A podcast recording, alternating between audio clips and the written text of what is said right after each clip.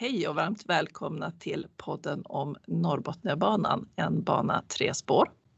Mitt namn är Eva Lundqvist. Jag jobbar som kommunikatör åt Norrbotniabanegruppen och med mig i Tavelsjö denna gång sitter Elisabeth Sinclair, projektledare för Norrbotniabanegruppen och eh, jag får väl vara tacksam att eh, man sitter på insidan idag med tanke på snön som vräker ner.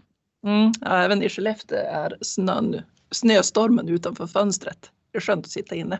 Ja, det här avsnittet det lanserar vi i samband och i samarbete med Forskarfredag 2020 i Skellefteå. Och i år har det temat Forskning för en hållbar framtid.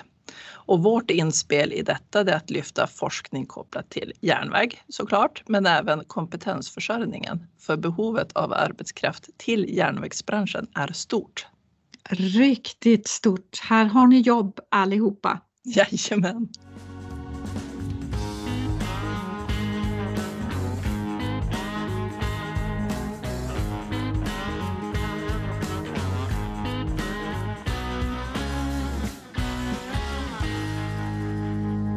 Forskarfredag är ett årligt återkommande event som hålls vanligtvis i september, men det är ju inget vanligt år i år utan det har blivit digitalt och eh, är nu i slutet av november istället. Och syftet det är att skapa en mötesplats mellan forskare och allmänhet egentligen för att visa att forskning, ja, hur forskningen går till, men även hur eh, spännande forskning kan vara. Och inom järnvägsbranschen så forskas och utvecklas det en hel del och för fullt kring ny teknik som förändrar behoven och öppnar upp för nya möjligheter. Det är verkligen en högteknologisk bransch och det är lätt att man tänker på järnvägen eh, att det bara är två spår i marken. Men bakom rälsen så finns ett högteknologiskt system eh, som faktiskt inte så många känner till tror jag. Men som alla påverkas av. Och ett exempel på det är ju ERTMS. Och du har ju full koll på vad det står för Elisabeth. Ja, det är en sån här tung vrickarramsa som står för European Rail Traffic Management System. Det är ju så att Botniabanan var ju den första järnvägssträckan som man införde det här systemet på. Och tanken, det här är ju ett europeiskt beslut av medlemsstaterna, det är ju att man ska få ett europeiskt signalsystem så att vi ska kunna köra ut med våra lok eh, till andra länder i Europa.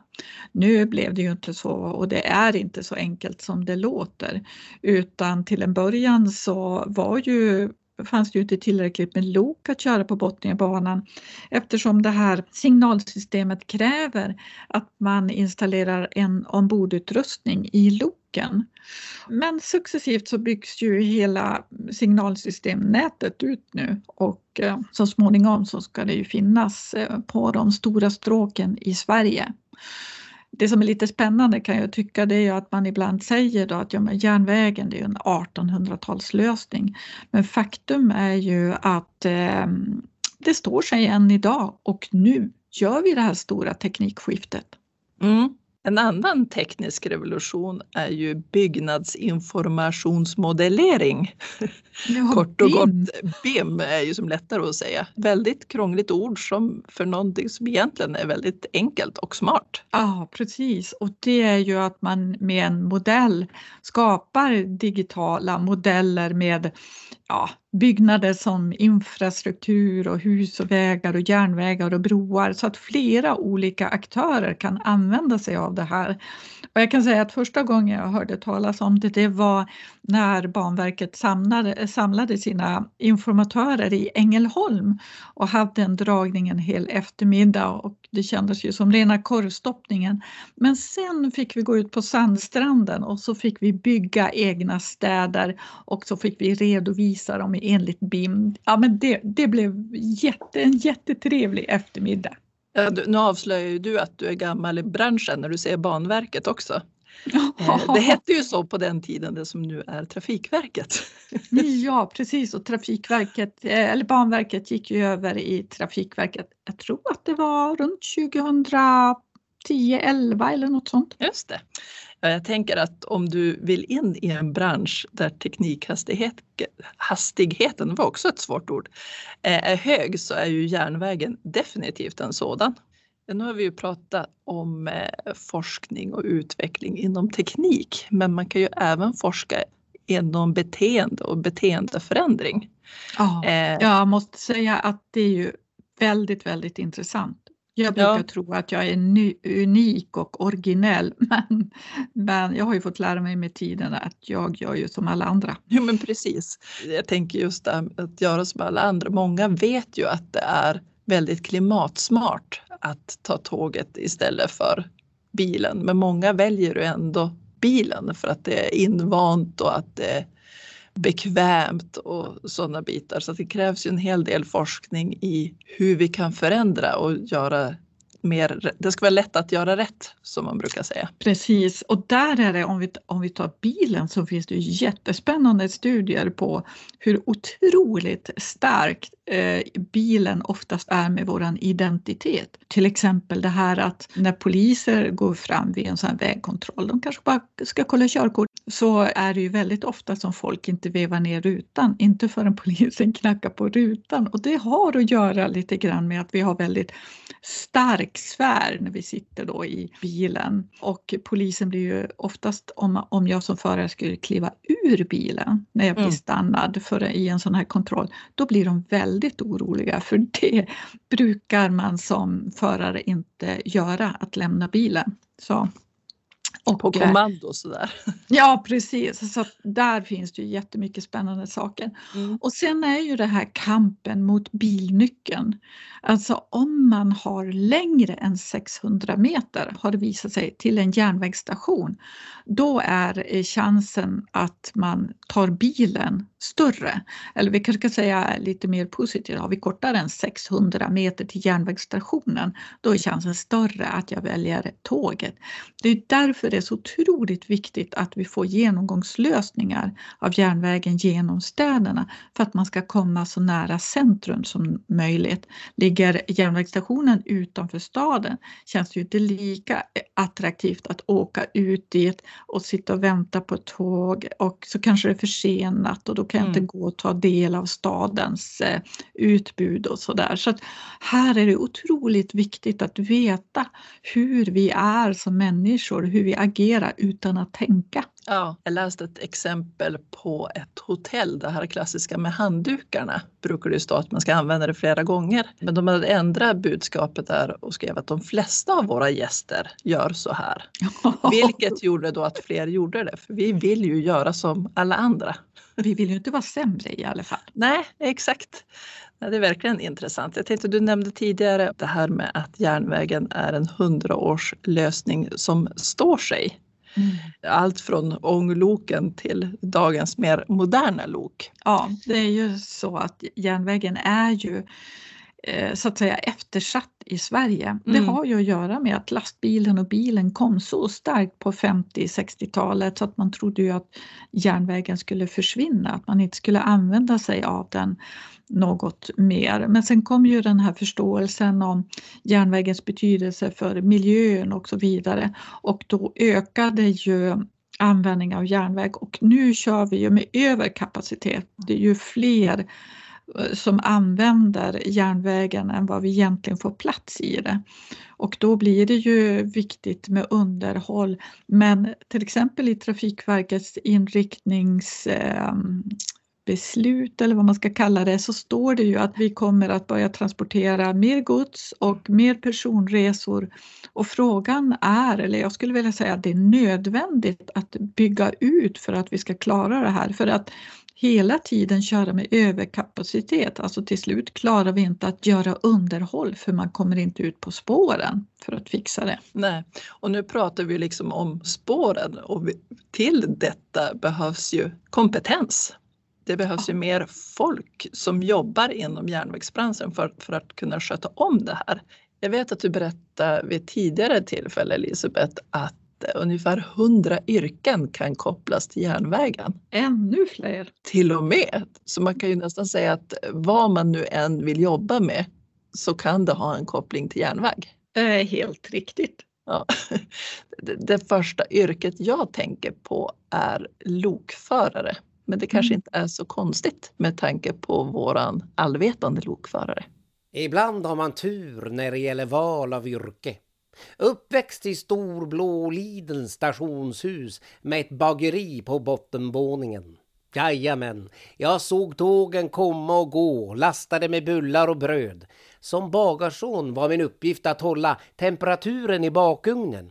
Och lika viktigt är att hålla ånglokens pannor på rätt temperatur. Det hade jag fått lära mig av eldarna på de många ångloken. Jo, jag hängde ju en del på perrongen eh, med kanelbullen i handen. Jag snappade upp en hel del. Jag började forska kan man säga och föra lite statistik. Du vet en bakugn och en ånglokspanna, det är inte så olika. Så jag började drömma om att själv stå i lokförarhytten. Plötsligt löste det sig allt av en slump. En eldare som var förtjust i vetebröd fick en bulle, två, tre. Varje gång loket stannade åt han bullar. Han var bulltokig. Ni kan tänka er, till slut kom han inte upp för stegen till lokförarhytten och tåget skulle gå och det blev sådan stress så jag skrek att jag kan hjälpa till. Kan man kasta in deg i bakugnen kan man kasta in kol i ånglokspannan. Och så började min bana som lokförare. Alltid med en deg på jäsning. Ja, vägen till eh, yrkeslivet är ju sällan rak. Med fördel skulle jag vilja säga, för att man får ju med sig en hel del på resan som man har nytta av i alla yrken. Du har ju, även om vi pratade tidigare att du har eh, lång historia i järnvägsbranschen i och med att du jobbade även på Banverket tidigare, så har ju din resa inte varit spikrak. Alldeles riktigt. Jag kommer ihåg när våran, eh, vad heter det då, syo som eh, pratade om våra yrkesval och sådär. Han sa så här, kom ihåg att de flesta av er kommer att omskola er två gånger under ert arbetsliv, vilket är helt normalt. Och sa han, jag vill bara påminna om att ni kan ta vilket yrke som helst. Mm. Det, det, kommer att fungera bra. Men jag började min bana i skärkdisken på ICA fantastiskt intressant, jättekul hade jag där. Men sen så utbildade jag mig till biomedicinsk analytiker och hade jag varit kvar där idag så hade jag förmodligen kanske då eh, tagit och analyserat några virusprover av något slag. Förmodligen. Men, mm. Ja, men efter att ha varit både inom den medicinska sidan och den skogliga sidan så blev det kommunikation och sen så kom jag in på detta med järnvägar, inte minst för att det hade med miljö att göra och på det spåret är det. Men du själv då Eva, du har ju också gått en sån liten eh, krok i livet när det gäller yrkesval. Ja, min resa den började på ett eh, bageri. Jag kommer fortfarande ihåg att kaffet kostade då 10 kronor och en enka 16,50. Sen vart det eh, hälsokostaffär efter det som ledde till att jag sökte mig till farmaceututbildning. Men där vart det tvärkast innan jag hade bör ens börjat där till en multimediaproducentutbildning istället. Och efter det nätverkstekniker där jag under praktiken fick jobb på en kommunikationsbyrå och började jobba som kommunikatör tills jag då började som kommunikatör för Norrbotniabanegruppen tillsammans med dig. Jag, jag satt precis och tänkte på medan du berättade om din resa att vad som styr en mycket det är ju faktiskt ens drivkrafter oh. som ligger i grunden och vad det blir för yrke på det eh, spelar inte så stor roll egentligen. Precis. Man hamnar ju i en massa valsituationer och ibland så är det ju kanske bara att tillfället finns där. Men jag började läsa kommunikation så tänkte jag ett tag att Åh, alla de här andra åren inom forskningen, är de bortkastade? Icke, sanna icke. Jag är så väl bekant med forskningen och jag vet vad jag ska leta forskningsresultat som vi är beroende av i vårt jobb och att läsa forskningsrapporter och är ju inga problem. Och jag vet också att jag, jag tycker till exempel det här med medicinsk forskning är så otroligt intressant fortfarande så att jag följer ju det som händer där, inte minst nu med eh, pandemin och så vidare. Så att plötsligt är det som att man har ett smörgåsbord av intressen inom olika branscher så skulle man ledsna på ett så kan man liksom glida in på något annat. Ja, vi kan ju som sammanfatta det, det är som drivkrafter och slumpen lite grann. Ja, som, så är som det. avgör var, hur, hur ens väg ser ut. Men sen tror jag också är så att det inte är så lätt att vara medveten om vilka yrken som finns egentligen. Som vi nämnde tidigare så finns över hundra yrken som kan kopplas bara till järnvägsbranschen. Och ett av de yrkena är exempelvis arkeolog. Och det tror man ju kanske inte. Nej, nej precis. Och det jag tänker på det är ju att eh, liksom när tra Trafikverket räknade upp vilka yrken de behöver, alltså jag tror Mm. att jag räknade till kanske ungefär 140 olika yrken och då finns det ju inte med det här med beteendevetenskap och sånt. Det finns hur mycket som helst att välja på och kopplingar till järnväg. Precis. Även förutom arkeolog så behövs det även miljöspecialister och miljösamordnare. Just det där eh, när man planerar och bygger järnväg så är det ju så mycket runt omkring som berörs som Ja. måste liksom studeras i, i detalj för att det ska bli så bra som möjligt. För det är ju tänkt att den ska stå där väldigt länge också. Ja, och vad skulle vi göra utan våra tågvärdar? Sannerligen, mycket viktigt. Alltså just det där att hela resan ska ju kännas bra. Precis. Och om vi inte har en bra underbyggnad under järnvägen, då blir det ju inte något bra spår heller. Och eh, så att våra geotekniker är ju otroligt viktiga i arbetet. Precis.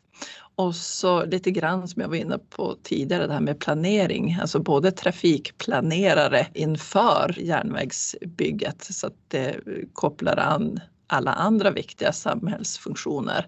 Men sen även trafikplanering när tågen väl är på banan, att få det så effektivt som möjligt för oss resenärer. Kom just att tänka på att du brukar ju alltid följa upp dessa poddavsnitt med en blogg Elisabeth. Ja, just det. Tack för påminnelsen, men det ska Ja. jag fixa. Och eh, där kan vi ju lista lite länkar så att du som lyssnar snabbt kan få tillgång till det vi har pratat kring. Som ett smörgåsbord med yrken. Ja, det lät trevligt tycker jag. Om du har några funderingar kring det vi har pratat om så är du välkommen att skriva till oss på info norrbotniabanan.se. Hoppas att vi har sått något litet frö i det här avsnittet och eh, ha en fortsatt skön dag och sköt om er. Och kom ihåg att ni behövs allihopa. Ha det bra. Verkligen. Hej! Hej då!